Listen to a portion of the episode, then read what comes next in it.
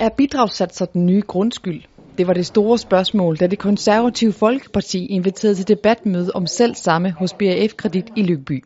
Og vil sige velkommen til jer alle sammen. Her skulle Brian Mikkelsen, Bent Bensen, Morten Bødskov og BAF-direktør Carsten Tiersbæk diskutere, hvordan man i Danmark kan undgå de stigende krav til realkreditinstitutterne, så det ikke er kunderne, der bliver taberne. Vores forhåbning er, at, øh, øh, at vi kan øge den samlede mængde af indsigt hos dem, der rent faktisk har en mulighed for direkte at påvirke i, øh, i det politiske system. De vil med indsigt øh, mere overbevisende kunne tale, øh, kan man sige, øh, den rigtige sag, komme med de rigtige argumenter.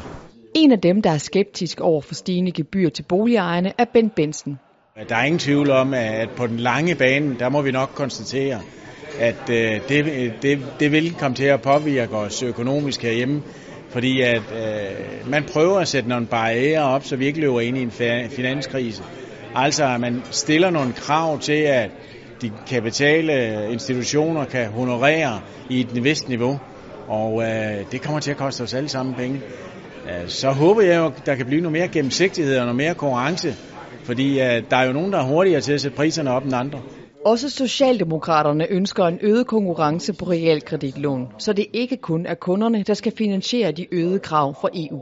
Vi skal have mere gennemsigtighed og konkurrence på det her marked, og det skal vi, fordi at øh, det er til gavn for forbrugerne. Jeg tror, der er rigtig mange, der ikke kan gennemskue det lige i øjeblikket. Og jeg synes, det positive, der har været ved den øh, debat, øh, vi har haft, har jo været, at hvor man tidligere fik indtrykket af, at der nærmest ikke var noget konkurrence, så begynder institutterne nu at konkurrere indbyrdes om at tiltrække nye øh, kunder.